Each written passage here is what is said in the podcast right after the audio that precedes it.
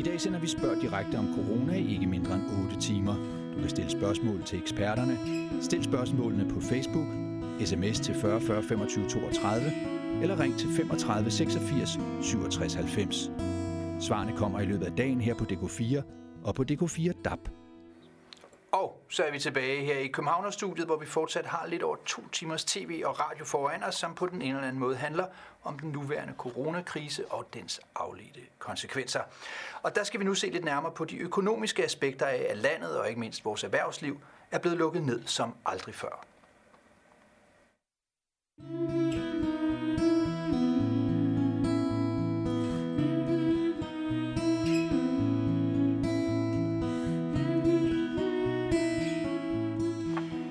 Derfor så skal jeg nu byde velkommen til med glæde Alexander Nipper, som er politisk chefkonsulent i SMV Danmark.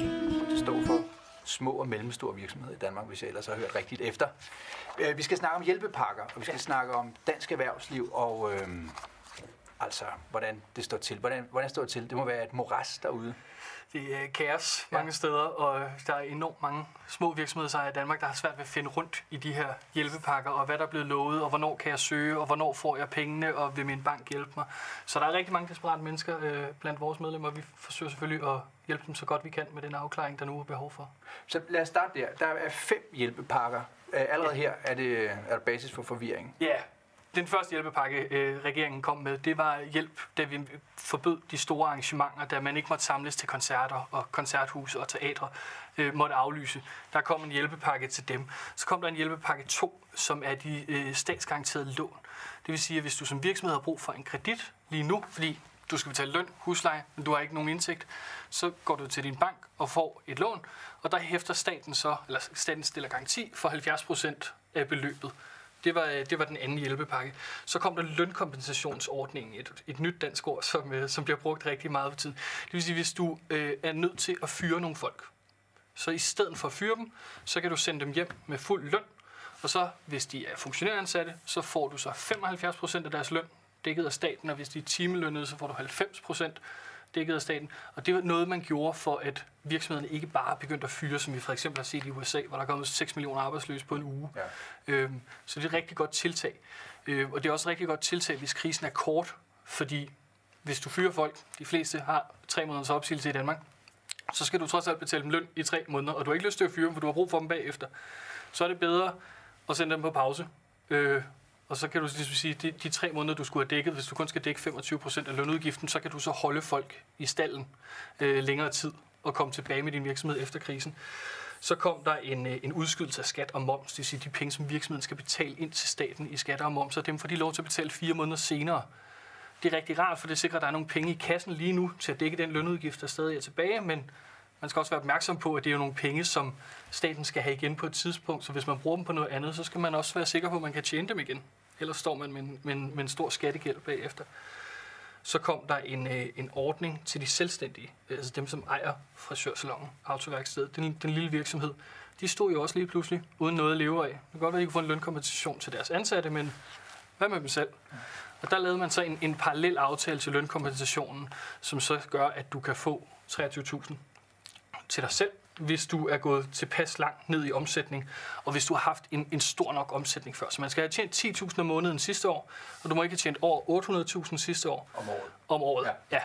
Øh, så hvis du har tjent over 120, men under 800.000 sidste år på, din, på at drive din virksomhed, og du er gået 40% ned i, i aktivitet, så kan du søge om, øh, om den lønkompensation, der så er til de selvstændige, og så kan du få 75 procent af det, du er gået ned, men maks 23.000 om måneden. Mm. Det gør, folk forhåbentlig kan holde skidtet på næsten.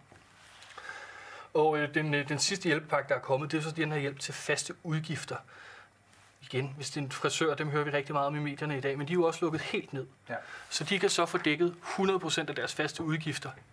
Der er det ret vigtigt, når man søger, der bliver åbnet op for ansøgninger her den 8. april, at man, når man tænker fast udgift, så er det jo ikke kun husleje så er det jo også leasingaftalen på din firmabil, og det er din forsikring, det er dit telefonabonnement, det er abonnementet på din dankortmaskine. Det er alle de aftaler og kontrakter, som du ikke kan komme ud af bare ved at gribe knoglen og sige, det her skal jeg ikke betale.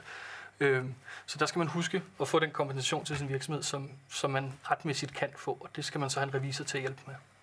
Ja, fordi vi skal nemlig snakke lidt om, hvad man gør for at komme i betragtning til alle de her øh, hjælpepakker. Men lad os lige starte et andet sted med, med for eksempel frisørerne. For jeg synes at have stødt på historier i dagspressen om frisører, frisørmester med udmærkede forretninger, som ringer til banken og beder om at få hævet kaskreditten fra 35.000 til 100.000. Mm. Og det burde være en smal sag. Men, ja. men de fik så at vide, at de kunne tage et privat lån og skyde ind i banken. Ja. Og så tænker man, hvad, hvem er det, altså skal, skal bankerne tjene kassen, eller skal de tjene samfundet? De har i hvert fald sagt, at de gerne vil tjene samfundet, mm. øh, men desværre så hører vi i SMV Danmark på daglig basis om selvstændige, som ikke oplever at kunne komme igennem til sin bank, som har oplevet at ringe til dem 12 dage i træk, uden at kunne komme igennem telefonkøen, eller som ikke får svar på deres mails, når de mailer. Øh, nu skal man tænke, bankfolkene sidder også og arbejder hjemmefra, så det kan også være en lidt kaotisk tid. Men det er et problem for mange SMV'er at komme igennem til banken. Vi oplever også, at der er folk, der får nej, som har en sund virksomhed. Bankerne har et, sammen med Finans Danmark har de aftalt et et kreditvurderingssystem, så man ikke sådan umiddelbart som kunde har indblik i, hvor mange point fra 1 til 7 har jeg nede i min bank. Men det er det, bankerne sidder inde bag deres computerskærm og vurderer derud fra. Og der synes vi, øh, som vi i Danmark, at det er øh, helt logisk, at hvis en virksomhed er stor nok til, at den kan give et lille overskud, og folk kan leve af den, og den gav et overskud før coronakrisen, så skal den også hjælpes igennem, så den kan eksistere og skabe arbejdspladserne efter coronakrisen. En frisørsalon, som en, jeg konkret har hjulpet inde i centrum af København, de havde øh, to piger, der har en salon sammen, og så har de tre ansatte, så det er fem mennesker, der kan leve af den her virksomhed. De har et overskud på en 300-400.000 om året. Det er en sund virksomhed. Den skal kunne hjælpes igennem. De fik nej i deres bank, indtil at vi så ringede til banken og spurgte, hvorfor de fik nej, og så fik de et ja. Hvad så brugte banken som forklaring? At der var sket en fejl. Nå, ja. Men, men der sker desværre fejl øh, mere end en gang. Og vi, vi hører om rigtig mange selvstændige, som er presset af banken. Selvstændige i Danmark har en kultur med, at du går til banken, og så det er der, du har dine bankforretninger. Og hvis de siger nej, hvad gør du så? Det er jo ikke, det er ikke lige nu, at du skifter bank. Nej. Øh, det er en lidt svær tid at gøre det i. Øh, og jeg vil sige, når staten garanterer for 70 procent af lånet, hvorfor skal renten så være ekstraordinært høj? Den rente, de så fik på deres kassekredit, den er dobbelt så høj, som den, jeg betaler som privatperson. Så det synes jeg da også var bemærkelsesværdigt. Men, men der er jo desværre ingen vej udenom, og hvis man ikke har pengene på kisbunden, så skal man jo låne dem et sted for at kunne køre sin virksomhed igennem. Folk skal have deres løn, og udlejerne vil også, de fleste af dem, have deres penge. Ja, og det er jo klart, at øh, det slæber jo spor efter sig. Det er jo dominobrikker, der bare vælter der mm. af. Øh, så det kan godt være, at koncertarrangøren øh, bliver dækket ind, men, øh, men, men dem, der skulle levere fadøllet og cateringen og ja. rengøringen, ja. øh, de kommer også på spanden. Ja, og dem, som skal gøre rent på folkeskolen, de har heller ikke noget at lave lige nu. Dem, som skal gøre rent i børnehaven, de har ikke noget at, at, at lave lige nu. Der er en masse dominoeffekter, som vi ikke har set det, det fulde øh, de fulde konsekvenser af nu. Der er rigtig, rigtig mange virksomheder i Danmark, som er presset af det her. Men de hjælpepakker, der så eksisterer trods alt, og, det, og jeg, jeg har også respekt for, at øh, der er nok meget at tænke på på Christiansborg. Øh, det var også det, vi hører, og, øh, og i hvert fald, at øh, de har vel været hurtige, dybest set. Det, de det, har været enormt hurtige. Ja. Altså, når vi sammenligner os med vores nabolande, ja. så, har, så har den danske regering og den danske folketinget arbejdet enormt hurtigt. Ja. Og vi forventer jo heller ikke, at de har et Columbus-æg og havde forudset den her krise ja. Øh, flere måneder i forvejen, og havde en skuffeplan, man lige kunne trække op. Vi har også en stor forståelse for, at vi lægger skinnerne, mens vi kører, hvis det er ord, de selv bruger inde på Christiansborg. Ja. Men, men problemet er, at der falder stadigvæk folk ud af togvognen, som vi skal huske at samle op. Ja. Øhm, lige så vel som øh, vi har en forståelse for, at bankerne kan lave en fejlvurdering, så, så har vi også en forventning om, at når vi peger på en konkret sag og siger, der er også noget, der skal laves om, at der så også bliver taget hånd om det. Ja. Og det, det, det er måske også den tendens, vi ser nu, at, at øh, man, man må i gang, og så må man justere på det efterhånden. Mm. Men hvad gør man, hvis man nu er frisørmester, automester, øh, mester, har en virksomhed, der er i krise. Hvordan kommer man i betragtning? Man kan søge den 8., men man skal betale huslejen den første. Det er jo ja. heller ikke nemt. Hvis man ikke har pengene på kistbunden, så skal man jo ringe til sin, bank, øh, til sin, til sin udlejer og sige, min regnskabstal siger sådan og sådan efter alt det, jeg kan læse inde på, øh, der er en hjemmeside, der hedder virk.dk, som er Erhvervsstyrelsens hjemmeside, der står alle kriterier. Så gå ind på det, se, er din omsætning under 40%? Ja, det er den. Øh, eller har du tabt 40% af din omsætning, så kan du få hjælp til dine faste udgifter. Så ring til din udlejer og fortæl det, sig, jeg har et problem med at betale nu, men jeg kan se på de offentlige øh, statistikker, der er, at jeg kan få en hjælp. Hvis jeg nu lover at give dig de penge, lige så snart jeg har dem, kan vi så vente 14 dage. Ja. Og så vil jeg håbe, at alle udlejere i Danmark vil sige øh, ja, selvfølgelig. Ja. Fordi ellers så står de også med et tomt butikslokale, som de skal lege ud i en krisetid, og det kan også blive svært. Men helt konkret, hvad gør man for at afsøge mulighederne, når man, når man står og har øh, skægget i postkassen her? Det man gør, man, man kigger på sin omsætning. Hvis man er en frisør, så giver det sig selv, så er man helt lukket. Så tager man fat i DUFK, som er Frisørmesternes Forening, som så er medlem i, i SMV Danmark. Og hvis man har en konkret sag, øh, en konkret udfordring, så ringer man ind til os i SMV Danmark og, øh, og får den hjælp, så, som vi kan tilbyde. Vi har både jurister og økonomer, øh, som kan, kan svare på de spørgsmål, der er. Og så skal man måske have en lille øh, en smule tålmodighed. Jeg ved godt, det kan være svært i en uvis og desperat situation, øh, men der er kommet en del hjælpepakker på bordet allerede. Øh, vi arbejder politisk på, at nogle af dem skal blive bedre. Øh, men ja, vi håber så også, at udbetalingerne fra staten kommer hurtigt. Ved vi noget om, hvornår de kommer? Nej. Man kan søge fra den 8. for eksempel. Ja, for den for faste udgifter, Ja. der kan du søge fra den 8. Du kan allerede nu søge for den for lønkompensation til din ansatte, og så den for lønkompensation til den selvstændige. Selv det er den seneste pakke. Der har embedsapparatet ikke fået ansøgningsskemaet online endnu. Øh, så der er, det kommer forhåbentlig her i påsken. Jeg, jeg holder i hvert fald ikke påskeferie, det håber jeg heller ikke, de gør. Og hvornår får man så pengene? Det ved vi ikke endnu. Nej. Men øh, det er jo en udfordring øh, for, for den selvstændige, og, og det forstår vi godt. Og vi, vi kæmper hver dag for at få en afklaring på, hvornår de her penge så også kan blive udbetalt. Det vi får at vide fra, øh, fra ministeriet, det er, at de penge kommer ud så hurtigt som overhovedet muligt. Og så er det jo så bankernes rolle i, i mellemtiden at give den kassekredit, der er nødvendig for, at en virksomhed kan overleve. Øh, Eller bevilge det overtræk Ja. i, i de tre eller fem eller syv dage, det handler om. Ja, Ja, øhm, når, når, man, øhm, når man kommer i, øh, i vanskeligheder ja. Øh, som selvstændig erhvervsdrivende eller som lønmodtager hos en selvstændig erhvervsdrivende, så øh, er det jo ikke sikkert, at den pågældende mester øh, er skarp til lige at skrive ansøgninger af den slags. Hvad, hvad gør, altså hvis man er blevet frisør, er, er, var det nok fordi man ikke har lyst til at blive revisor eller jurist. ja. Hvad, hvad, hvor henter man hjælp? Øh, helt konkret, så kan man gøre det i, i, i, sin, i sin faglige organisation. Øh, det, hvis du har et autoværksted, så Dansk Bilbrancheråd, eller hvis du er frisørmesternes forening, eller, eller hos os i SMV Danmark. Altså henvend dig de steder, hvor du, hvor du ved, at der sidder nogle folk, der har læst de her ting, og måske ovenikøbet gjort sig umage for at forstå dem. Mm. Øh, og, det, og det har vi trods alt. Og vi hjælper gerne med, øh, med, med, med forståelse, og vi har fuld respekt for, at nogle folk har en faglighed, og vi tilbyder så nogle andre fagligheder ind hos os. Så man kan altid ringe ind med, med et praktisk spørgsmål. Men der er også nogle ret udførlige guides, øh, både på vores hjemmeside, smvdanmark.dk, og på virksomhedsguiden, hvor man kan gå ind og se, har jeg ret til det her, har jeg ret til det her, hvor det står i et forholdsvis simpelt sprog og i nogle bullet points og med de centrale øh, tal, som man skal orientere sig for om i forhold til sit regnskab, markeret med fed. Og der siger du noget. Vi skal nemlig også have revisoren på banen. Ja. Ja.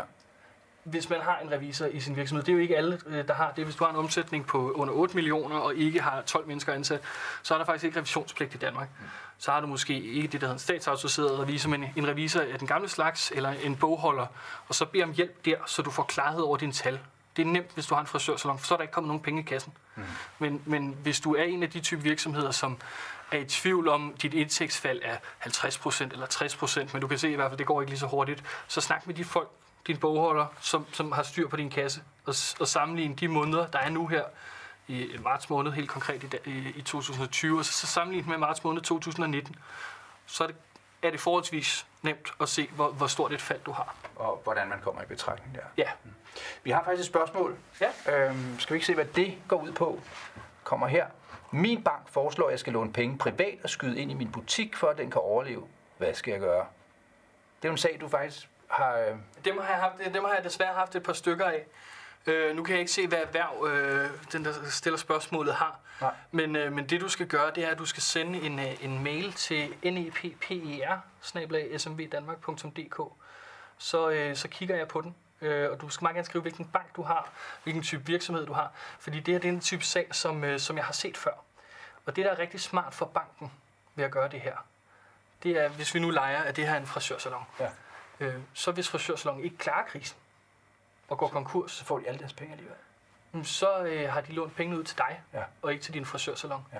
Så kommer de og tager dit hus, eller din bil, hvis du ikke kan betale. Så du, vi risikerer at stå i en situation, hvor vi har en tidligere selvstændig, nu arbejdsløs, som ikke har ret til dagpenge, øh, som skal betale en, en bankgæld af. Det er, det, det, det, det er et smart fidus for banken, fordi at der er større chance for, at du er der efter krisen, end at virksomheden er der. Og så låner man pengene ud til dem, hvor du kan få dine penge igen. Det synes jeg er en amoralsk måde at drive virksomhed på. Nej, men jeg, jeg bliver, sidder og bliver voldsomt indigneret over den fremgang. Det gør jeg også. Ja. Det er denne, de her støtteordninger, hvor staten garanterer for 70 procent af de penge, der bliver lånt ud til virksomheden, de er jo netop givet for, at bankerne vil låne ud til virksomheder. Også virksomheder, som måske kommer til at knække nakken.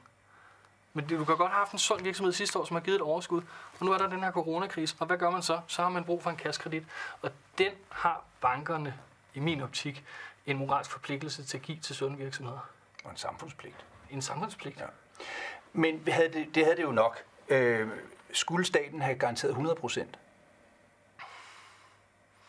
så, så kunne staten lige så godt have lavet deres egen bank. Og for mange af vores medlemmer, så havde det måske i dag været lidt nemmere. Øh, Ja, ærligt talt. Ja, ja altså det, det, det er jo ikke kun én bank, vi, vi hører om problemer med. Vi hører desværre om udfordringer med alle banker. Vi har selvfølgelig en forståelse for, at banker kan lave fejl i den her situationer, hvor de også sidder og arbejder hjemmefra, og ikke lige kan tage alle sager med chefen og høre. Men, men når vi hører om de her fejl, så, så går vi ind i dem, og så retter vi henvendelse til banken. Og du har eksempler på, at det så faktisk retter sig. Jeg har ikke eksempler på, at jeg har ringet til en bank og bedt om at få løst et problem, og det så ikke er blevet løst. Vi har et spørgsmål mere. Ja. Øh, det kommer nok lige her. I forhold til lønkompensation. Medarbejdere, som er ansat som fast afløser, nævnes ikke i aftalen. Hvad gør man så? Det er vel timelønnet, er det ikke? Jo, hvis du er, øh, hvis du er ansat som timelønnet, så er lønkompensationen 90% og ikke 75%. Og det er jo en erkendelse af, at timelønnet er dem, som sidder øh, yderst, yderst på bænken Ja. ja. på, på det danske arbejdsmarked, og dem, som er hurtigst for en virksomhed at skille sig af med. Så hvis man har en, øh, en, en lønmodtager, som er timelønnet i sin virksomhed, så kan man altså få 90% kompensation, hvis man fastholder dem, i stedet for at, at, at sende dem på jobcentret. Ja. Øh, Så, så det er den, der hedder en 90% kompensation for, for lønudgifter op til 30.000. Øhm, jeg talte med en butiksejer, som, som har nogle øh, butiksansatte, butiksassistenter hedder det sikkert, som var sendt hjem øh, på en eller anden betingelse, men, men han fortæller mig, at han må ikke øh, ringe til dem, når de er sendt hjem. Ja. Hvad, hvad er det for noget? Når du er sendt hjem på lønkompensationsordningen, så må du ikke arbejde. Så må du ikke stå til rådighed for din arbejdsgiver. Og det er teknisk set også, at din arbejdsgiver ringer og stiller dig et spørgsmål. Giver det mening? Nej, det, gi- det, gi- det giver ikke mening for den lille virksomhed, som siger, øh, hvor på lageret var det, du lagde den der blå mappe. Altså, øh, men, men lige så vel som en arbejdsgiver ikke må ringe til dig, når øh, du har meldt dig syg for at sige, hvordan har du det, eller kommer du snart igen, øh, så, så må de heller ikke ringe til dig, når du er sendt hjem på lønkompensationsordning. Du må ikke stå til rådighed for din arbejdsgiver. Øh, men hvis man selv som lønmodtager øh, kommer i tanke om, hvor den blå mappe ligger, så kan man. Lønmodtageren må gerne ringe. Lønmodtageren må gerne sende en sms til sin chef og sige, jeg tror nok, jeg lagde den blå mappe øh, nede på den hvide hylde. Så altså, jeg skal bare forstå det rigtigt. Så på trods af, at ham, der ejer butikken, Betaler 25 han betaler 25 procent af lønnen, plus noget, øh, nogle sociale omkostninger, ja. Noget pension og noget Feriepenge andet osv., osv., så er de penge faktisk smidt ud.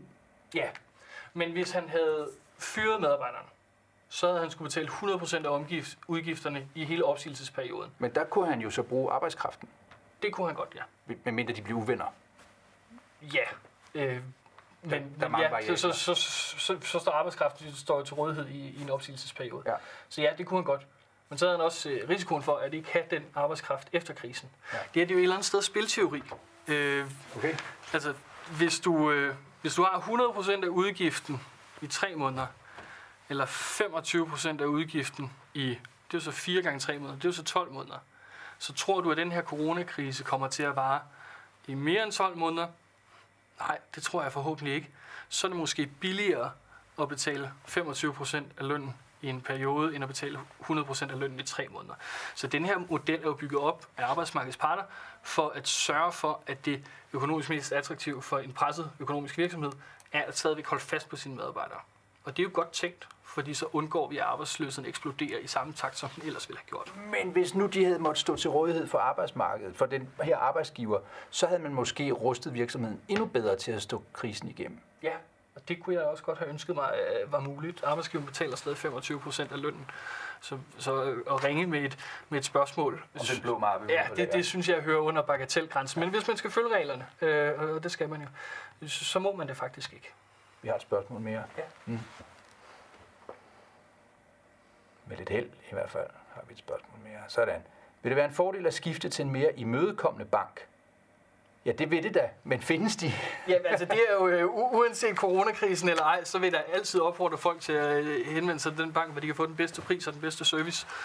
Øhm, men hvilken Det er bank? nok ikke nu, vel? Mm, Det er nok ikke nu, du kan gå ned i en, i en anden bank, hvis du har en krise, øh, en økonomisk krise i din virksomhed, og har tabt en stor del af din omsætning og sige, hej, jeg er en god kunde, kan du give mig en skarp pris? Det er nok ikke nu, at man Som, og skal jeg bruge 100.000 på Ja, øvrigt skal jeg bruge 100.000 som kassekredit. Det er, det er nok ikke nu, at man som forbruger står med den bedste øh, forhandlingssituation. Men jeg vil da klart opfordre alle selvstændige erhvervsdrivende og alle andre forbrugere den, for den sags skyld. Hvis, hvis man oplever, at man får en dårlig service i en hvilken som helst butik, så find en anden butik at handle i. Så kan det godt være lige med bank, at man skal vælge at gøre det øh, til efteråret. Og der er det jo lidt et problem, at bankerne har slået sig sammen. Altså, der er ikke tre lokalbanker i enhver provinsby at vælge imellem. Nej, det er der ikke. Nej. Altså, hvis man skal helt frit kunne vælge mellem bank, så skal man også kunne forstå at bruge en computer. Vi har fem minutter tilbage, Alexander, og øhm, skal vi ikke prøve at bruge dem på at kigge fremad? Altså, vi taler om, øh, eller vi drømmer vel om, at Danmark bliver befriet på en dato, ligesom, ligesom øh, tilbage i 1945, ja, ikke? 5. maj. Ja, og, og, lad det være lidt før en 5. maj, Ja, det vil forhåbentlig. ikke være dejligt. Sådan kommer det jo nok ikke til at gå. Nej. Øh, Det bliver en gradvis åbning, og det kan man jo sagtens forstå. Det giver masser af mening. Mm. Hvor åbner man først, tror du? Det er svært at sige. Ja. Altså, det, det, det er jo virkelig et svært valg, og det ligger heldigvis en lille smule over min lønramme. Øhm, men altså, jeg tror måske, at nogle af de steder, man åbner først, er øh, afgangsklasserne, der skal til eksamen. Altså, Ja. man kunne forestille sig, at 3. G-klasser fik lov at komme tilbage på gymnasiet, før 1. G-klasserne gør. For de har trods alt det har vi faktisk hørt, der har siddet øh, Katarina Amitsbøl, Ja. som er uddannelsesordfører fra det konservative Folkeparti, har, har antydet, at det, det kunne meget velkommen til det at vil, ske. det vil være den logiske ja. øh, måde at, at, at gøre det på. Øh, og jeg er også klar over, at de, de erhverv, hvor du har en tæt fysisk kontakt, er næppe heller dem, der får lov til at åbne først. Så automekanikeren åbner. Automekanikeren, han, Ja, han er heller han, lukket, han er jo er åben åben. nu. Ja. Øh, han har måske en ned, nedtægtsindgang, der gør, at han holder ferie. Øh, men, men jeg tror ikke, at frisørerne får lov til at åbne øh, de første. lige efter påske, selvom jeg inderligt håber det, fordi de er om nogen virkelig presset på deres økonomi. Mm. Øh, men jeg tror heller ikke, at det er koncertsteder, hvor du samler øh, 1200 mennesker ind på Vega i et lille lukket rum. Det bliver nok heller ikke det første, der åbner. Vi har jo allerede nu set i dag, at øh, folkemødet på Bornholm, som vi først ligger en gang i midten af juni, allerede er blevet aflyst. Så Og kirkerne, som lige var op og skulle åbne i påsken, de skal så ikke åbne alligevel. ej, hvis, man, hvis man samler sig så mange mennesker i et kirkerum, så har man i hvert fald brug for Gud. Ikke? Der er en rimelig farlig sygdom øh, rundt omkring. Så øh, jeg, var- jeg var ikke taget i kirke i påsken, om det så var blevet lovligt eller ej. Nej. Så hvad er det for nogle brancher, der bliver åbnet? Nu har vi, nu har vi sagt, hvad for nogle det er. Ja.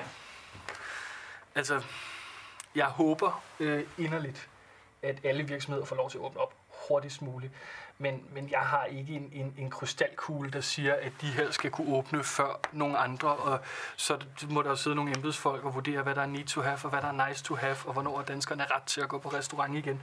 Øh, udfordringen er jo, at så længe de er lukket, så har vi altså nogle virksomheder, som risikerer at gå konkurs, og vi har nogle mennesker, som risikerer at miste øh, deres job, for de ansattes vilkår, men for de selvstændige, hele deres livsgrundlag og hele deres økonomi. Vi har jo desværre, øh, altså dem, der mister deres job, det er forfærdeligt. Men hvis, hvis I har været funktionærer, de forhåbentlig været medlem af en A-kasse og kan få dagpenge fra dag 1. Øh, det kan man ikke som selvstændig. Hvis du har en frisørsalon, og du ejer dit lokale, så fra den dag, du går konkurs, til den dag, du kan gå dagpenge, der kan gå rigtig, rigtig lang tid. Fordi du skal lukke dit regnskab, du skal lukke dit CVR-nummer, du skal lukke din konto i skat, du skal have solgt dit butikslokale og afhændet det. Altså, så der kan måske gå et halvt år, før du bare får 18.000 kroner om måneden at leve af, som dagpengesatsen er. Så der vil være nogle selvstændige, som uanset hvor lang krisen rækker, får nogle alvorlige økonomiske konsekvenser. Og der synes jeg helt alvorligt, at man skal kigge på det dagpengesystem, vi har nu. Fordi det er ikke indregnet til selvstændige. De er bygget på en lønmodtagerkultur. Og de selvstændige, der oplever at gå konkurs i den her krise, og kommer til at stå halve år, uden noget indtægtsgrundlag overhovedet, men konkurs bag sig, en bank, der ikke vil låne dem penge, de trænger også til fællesskabets hjælp efter det her. Så, så dagpengereglerne skal justeres, ikke, ikke, ikke måske for godt, men, men til en coronakrise. De må meget gerne ændres for godt. Jeg ja. synes, at dagpengesystemet skal indrettes efter det moderne arbejdsmarked, vi har i dag, hvor du kan have flere jobs og også være selvstændig, og både være selvstændig og have et job. Men når du går konkurs, så har du ikke noget at leve af. Er det så et halvt år, der skal gå, før du kan få dagpenge, fordi du skal have lukket et CVR-nummer og en skattekonto? Eller må du når du har indgivet din konkursbegæring, drejet nøglen om, ikke har nogen aktivitet i virksomhed, må du så få dagpenge. Det synes jeg er det objektivt mest fair. Det, det lyder rimeligt. Vi tager det sidste spørgsmål. Ja. Vi har lige øh, et halvt eller et minut at gøre godt med. Jeg er sikker på, at det er relevant. Overvejer politikerne at genindføre endnu en omgang skattefri udbetaling af efterlønsbidrag? Ved vi noget om det? Nej, det ved jeg ikke noget om. Nej. Det Men der ligger, der ligger nogle penge rundt omkring på nogle konti, også i, i virksomhedsordning, ja. som der er betalt en, en skat af, men som man ikke kan bruge frit. Og der er ingen tvivl om, at når vi skal have gang i økonomien igen, så skal vi have pumpet, altså det er, at vi pumper nogle penge ud nu for at holde båden flydende, men når vi skal have båden til at sejle fremad, så skal der også skubbes på den. Øh, og vi kommer jo desværre ikke til at gå til frisøren to gange i august måned, alle sammen. Så de penge, der ikke er tjent nu, kan jo ikke tjenes senere. Mm. Så der er en tabt omsætning. Så der er brug for en kickstart af økonomien efter det her, om præcis hvilke sluser politikerne har tænkt sig at åbne for, det ved jeg ikke. Nej, det får vi at sige til den tid. Tiden er gået. Tusind tak. Tusind tak, fordi I ville have mig. Ja, det kan du tro. Øh, og det er jo ikke kun de erhvervsdrivende, der blev ramt i den her krise. Også alle, der har forsøgt at spare op til seniortilværelsen, eller på anden måde skal have forvaltet sparepengene, er ude i et økonomisk stormvær, hvis lige man aldrig har set før. Når du vasker dine hænder rigtigt, kan du undgå mange sygdomme. Du fordeler sæben og vasker håndryggen og mellemrummet mellem fingrene på begge hænder. Så vasker du dine håndflader med let flettede fingre og fingerspidserne på begge hænder. Du vasker bagsiden af dine tommelfinger, og husk at ringe tit af snavset. Endelig vasker du fugerne i håndfladerne, og du vasker håndledene, inden du skyller sæben grundigt af. Det er især vigtigt, at du vasker hænder efter toiletbesøg, når du har pudset næse, før du begynder at lave mad, før du skal spise, og når du kommer hjem fra skole eller arbejde. Så handler det om formuen, hvis man er så heldig at have sådan en. Og derfor har vi nu fået besøg i vores studie i Aarhus af Otto, Fri- Otto Friedrichsen, der er aktiestrateg i Formuepleje, som er Danmarks største bankuafhængige kapitalforvalter, og som har eksisteret siden 1986. God aften, Otto. God aften. Sådan, du er der, hvor er det godt. Har du det godt? Er du sund og rask? Det synes jeg, bestemt. det er godt, det er godt at høre. Øh, fredag, det er, jo, det, er, det er jo en stor dag. Der kan vi ligesom gøre status over, hvordan øh, børser og aktiehandler og den slags. Hvordan har fredags, øh, fredagshandlen været på øh, de finansielle markeder? Jo, men den har, den har været mere øh, stille og rolig, end vi har været vant til de sidste 2, 3, 4 uger. Øh, når vi ser på, på markedet i dag, så startede det ud øh, faktisk i, i et lille minus, øh, og så er det rettet sig hen over dagen, og vi er faldet en lille smule tilbage her igen efter, efter dansk lukketid. Så, så alt i alt lidt frem, lidt tilbage, men uden de sådan helt store kursudsving. Så ikke det der hysteri, vi har set de forgangne uger? Nej, det, vi er ude over øh, det område, hvor panikken ligesom øh, har hersket. Vi har haft en, øh, en periode, specielt omkring midten af marts måned, omkring den, den 16. marts, hvor, øh, hvor der var en meget stor grad af, af volatilitet, altså meget stor kursudsving, også i relation til en, øh, en mere panisk stemning i både aktiemarkedet, men i høj grad også i, i andre øh, finansielle aktivklasser, som blandt andet rentemarkedet eller, eller kreditmarkedet. Øhm, men hvor kom den panik fra? Jamen, det er jo tilbage til selve essensen i forhold til, hvordan de finansielle markeder bliver ramt af corona. Altså, corona var i markedets optik en øh, isoleret kinesisk problemstilling tilbage i februar måned. Øh, og rigtig mange markedsdeltagere regnede faktisk med, at, at, at øh, corona ville forblive i Kina, og, og det ville egentlig kun berøre udbudsproblematikken i og med, at Kina sidder på en meget stor del af den globale øh, forsyningskæde eller udbudssituation. Øh, det, der så skete i, øh, i slutningen af februar, det var, at, at vi så de første tilfælde i Italien. Vi så en voldsom acceleration uden for Kina.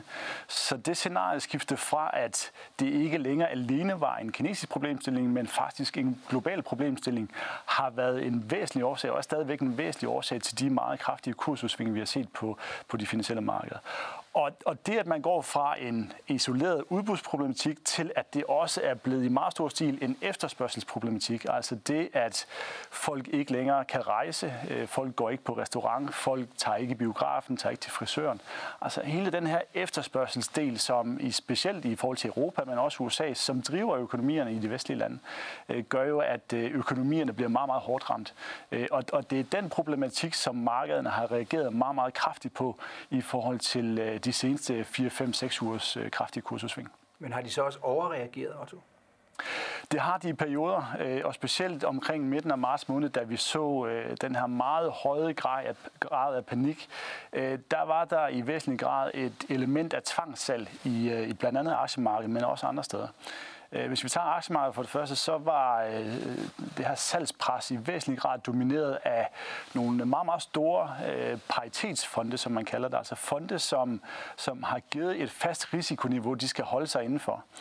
Og i takt med, at risikoen faktisk er steget meget, meget voldsomt gennem starten af marts måned, så var mange fonde tvunget til simpelthen at gå ud og sælge både aktier og andre elementer i aktiemarkedet og, og finansielle markeder, for netop at komme ned på det rigtige risikoniveau. Så udbuddet det steg bare, og så falder priserne?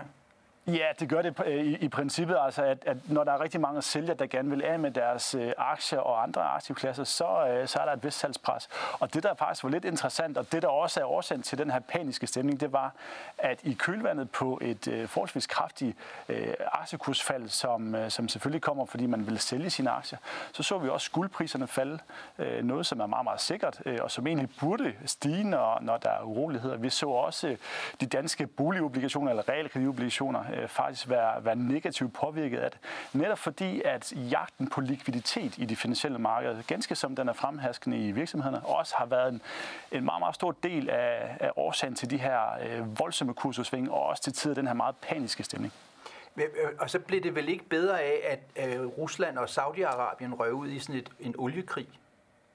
Nej, bestemt ikke. Øh, og, og, og man kan sige, det er jo i væsentlig grad isoleret til en sektor, nemlig energisektoren.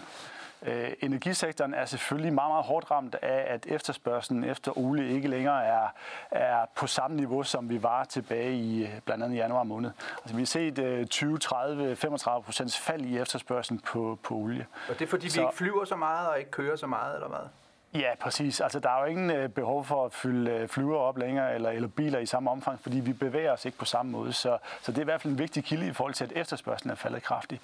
Og kommer der så oven i det, som vi har set her over de seneste uger, en, en, en tilspidset situation i forhold til udbuddet, at, at øh, man nu har indledt en priskrig mellem Saudi-Arabien og Rusland, så, så har vi i hvert fald fået signaler om, at man har interesse i, eller i hvert fald et, en intention om at øge udbuddet af olie ganske kraftigt. Så man, man øger faktisk produktionen øh, af energi i et marked, der i forvejen er oversvømmet af olie, øh, og hvor efterspørgselen den mere eller mindre er forsvundet, eller i hvert fald kraftigt reduceret. Hmm. Men den ro, som du så taler om nu, altså vi har set nogle enorme hjælpepakker fra regeringer og centralbanker, er, er det det, der begynder at slå igennem? Ja, helt sikkert. Specielt i forhold til de øh, finansielle markeder. Altså det vi har set blandt andet fra den amerikanske centralbank, men også den europæiske og andre, er jo en meget, meget aggressiv tilgangen til at genoprette øh, det finansielle system. Altså det, at, at vi så det massive salgspres, som, øh, som skabte den her paniske stemning, øh, kunne vi også se på, på øh, specielt jagten på likviditet, jagten på dollar, øh, var meget fremherskende. Og det er en af de ting, som centralbanken i USA har meget, øh, eller er meget direkte i forhold til at adressere, og man har været inde og lave nogle enorme hjælpepakker i forhold til at genoprette øh, sådan den basale dynamik i de finansielle markeder. Og det er altså noget, der har hjulpet løbet her over den seneste uges tid, hvor vi ser, at eh, specielt i forhold til dollarlikviditet, i forhold til funding, i forhold til at skaffe den her likviditet, at de ubalancer, der var eh, i midten af marts måned, de er i væsentlig grad blevet reduceret, og vi har sådan en centralbank, som i meget stor stil er inde og afbøde de økonomiske konsekvenser, de uhensigtsmæssigheder, som øh, de her meget, meget store bevægelser har haft på det finansielle system.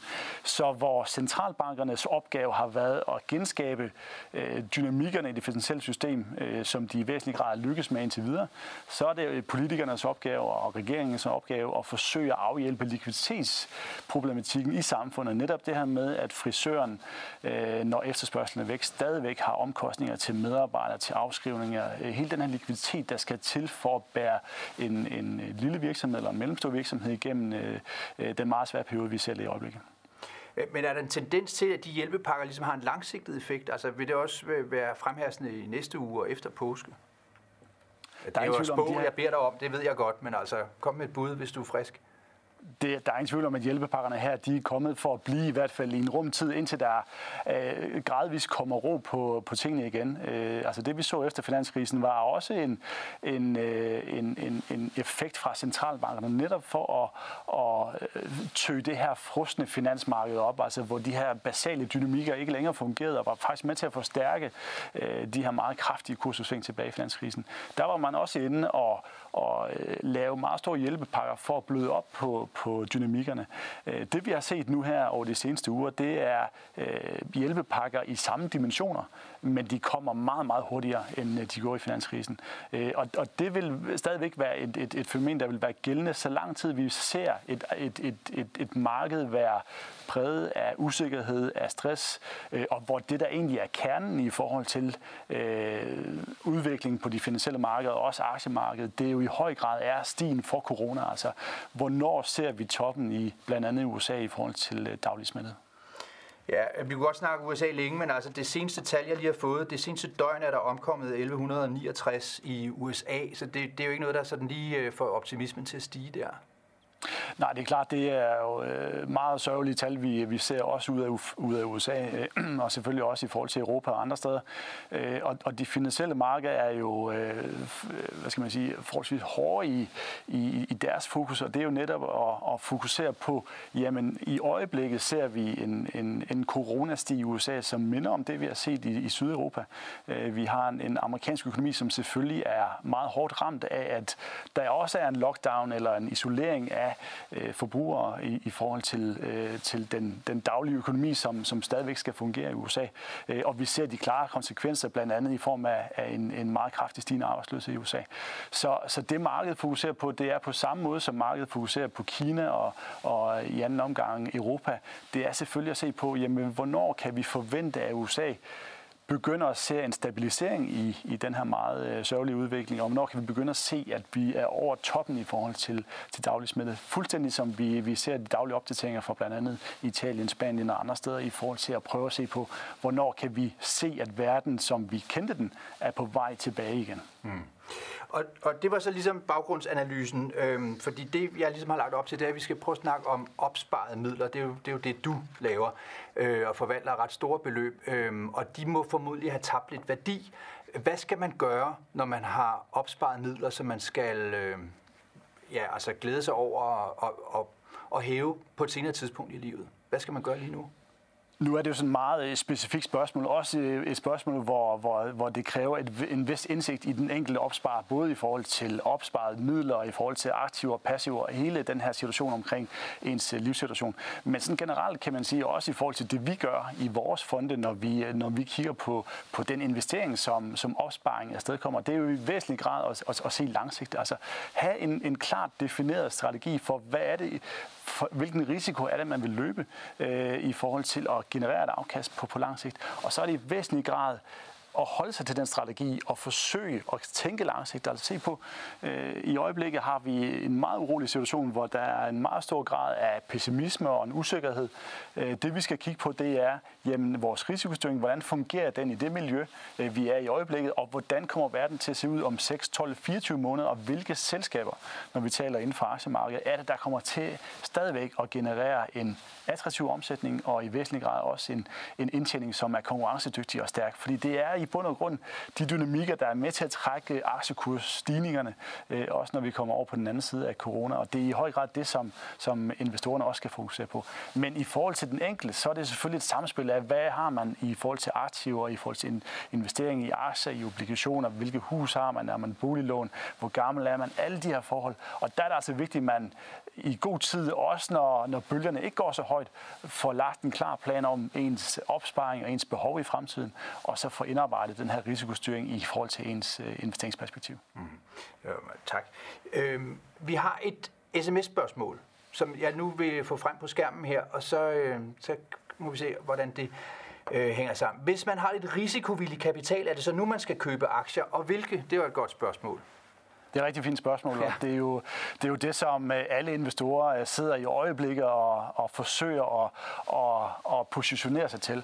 Øh, der er to elementer i, i, i selve spørgsmålet her. Jeg tror i, i væsentlig grad, når vi ser på på panikken eller risikoen. Vi sidder på rigtig meget tid på at kigge på, hvordan andre investorer bevæger sig i, i blandt andet aktiemarkedet. Og det vi kan se, det er, at den her enorme grad af paniske stemning, som vi så i midten af marts måned, den er begyndt at aftage. Jeg tror ikke, vi kommer tilbage og ser samme panikstemning, netop fordi vi netop har centralbankerne inde i, i det finansielle system og sørger for, at, at de basale funktioner de fungerer. Så jeg, jeg tror, vi har lagt panikken bag os. Det, der nu er afgørende i forhold til at, at definere, hvor er aktiebunden, øh, det er i høj grad at se på jamen, både øh, investorer, analytikere øh, og andre, som forsøger at, at, at forekaste, hvad der skal ske, er nu ude med deres deres øh, bud på, hvad kommer der til at ske med hensyn til økonomien i USA, hvor dyb bliver den her, øh, øh, eller hvor stor bliver den her falddybde, vi kommer til at se i ikke kun amerikansk økonomi, men i global økonomi, øh, og hvornår kan vi se os på den anden side. Øh, og, og markedet kommer til at bunde der, hvor den pessimisme, den, den piker, altså der, hvor den topper, der, hvor pessimismen omkring, hvor hårdt det her bliver på den amerikanske økonomi, det vil være der, hvor vi ser øh, bunden i aktiemarkedet. Øh, det er ikke noget, man, man desværre kan, kan time særlig godt. Der er ikke en klokke, der ringer, når, når det niveau det er noget.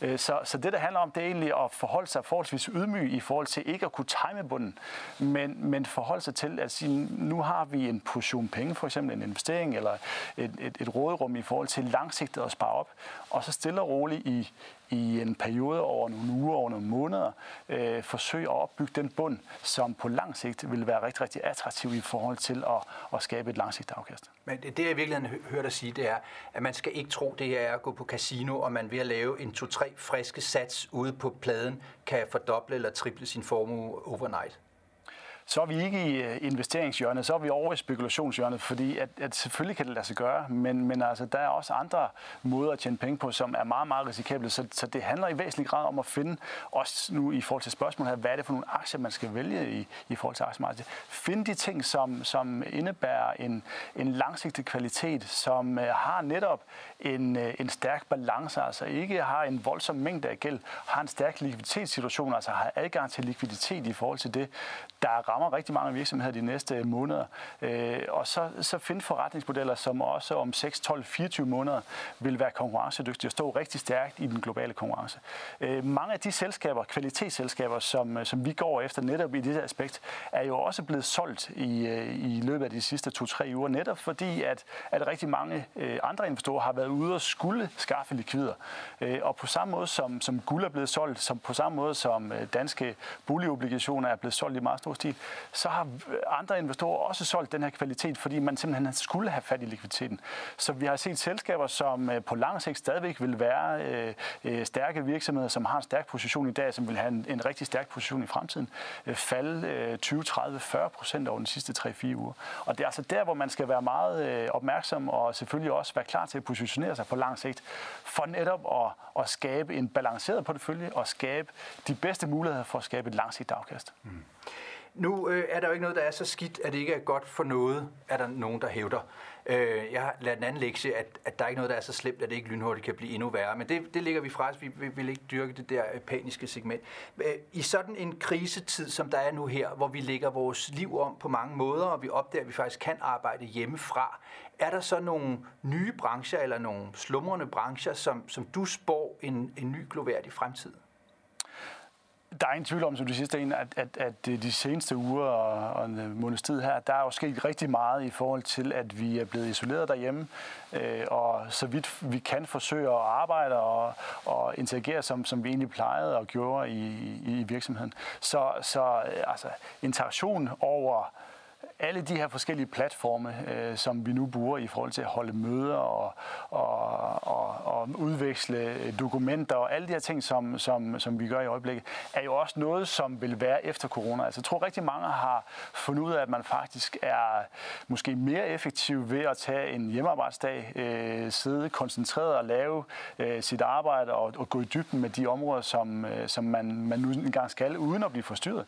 Øh, men samtidig også kunne interagere i, i forhold forhold til de her digitale platforme, som, som kommer op. Og det er klart, i forhold til investeringsaspektet, så er det nogle af de ting, som, som er rigtig interessante, at, at øh, nogen kommer til at stå rigtig stærkt i fremtiden i forhold til at tilbyde de her, de her platformer. Og også hele IT-skabelonen øh, eller strukturen i forhold til håndtering af data, i forhold til alle de her ting, der gør, at vi øh, i hvert fald i væsentlig grad i de virksomheder, som har mulighed for det, kan, kan sidde derhjemme og arbejde og, og stadigvæk øh, fungere i en, i en, øh, i en virksomhed.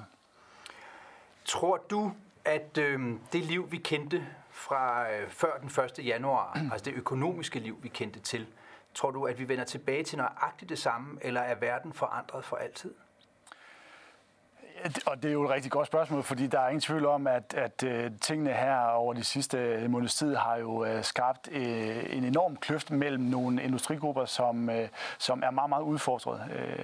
Jeg tror, man skal også være varsom med at sige, at tingene ikke vender tilbage. Altså, vi kommer stadigvæk til at gå på restaurant, vi skal stadigvæk have håret klippet, vi skal også ud og rejse igen.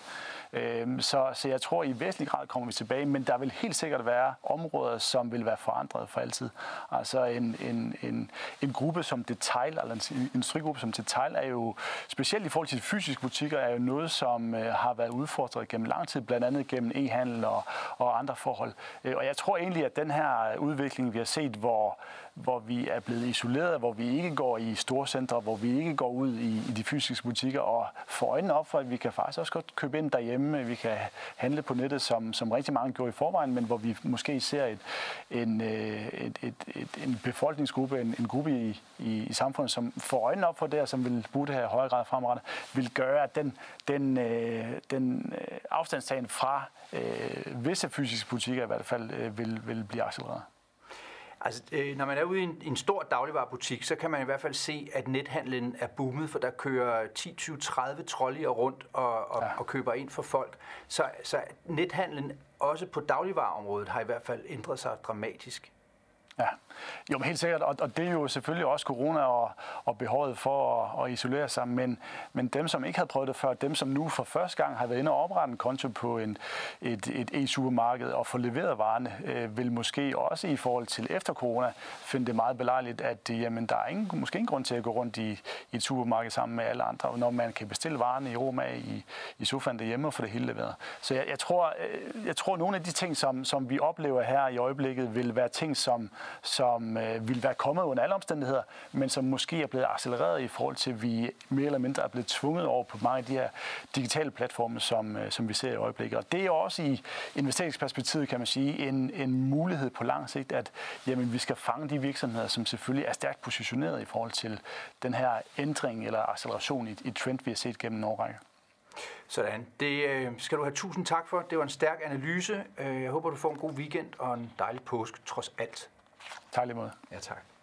Det var i øh, studiet Aarhus, at vi havde formueforvalter Otto Friedrichsen fra Formuepleje, og her i Københavnerstudiet, der er jeg Sten Andersen, og vi vender tilbage med yderligere halvanden time om den aktuelle krise om et øjeblik, som blandt andet indebærer, at jeg for en stund forlader studiet her og overlader pladsen til vores EU-korrespondent Christian Forlager.